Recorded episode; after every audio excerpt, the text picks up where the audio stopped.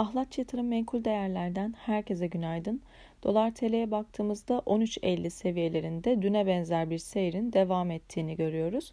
Yurt içinde açıklanacak önemli bir veri akışı bulunmazken fiyatlamaların dar bir band içerisinde e, gerçekleşeceğini söyleyebiliriz. Hemen hemen bir aydır kurda 13.85 seviyelerinin altındaki hareketlerde stabil kaldığını görüyoruz.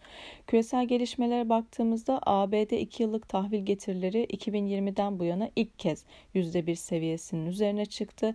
Özellikle bu noktada Fed'in sert faiz artıracağı yönündeki beklentiler temel etken olarak görülmekte.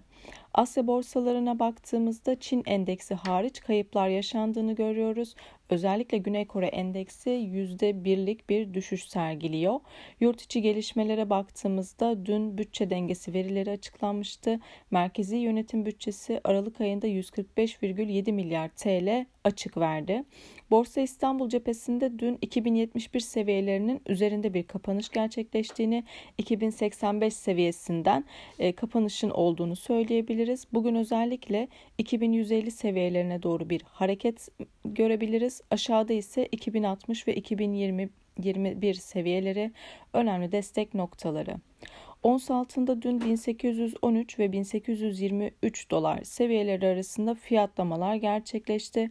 ABD tahvil getirilerinin tekrardan %1,82 seviyelerine ulaşmış olması altın fiyatlarını bir miktar baskılayabilir. Şu anda 1816 seviyelerinden e, işlem gören ons altında aşağıda özellikle 1800 ve yukarıda ise 1820 ve 1830 e, takip edilebilir.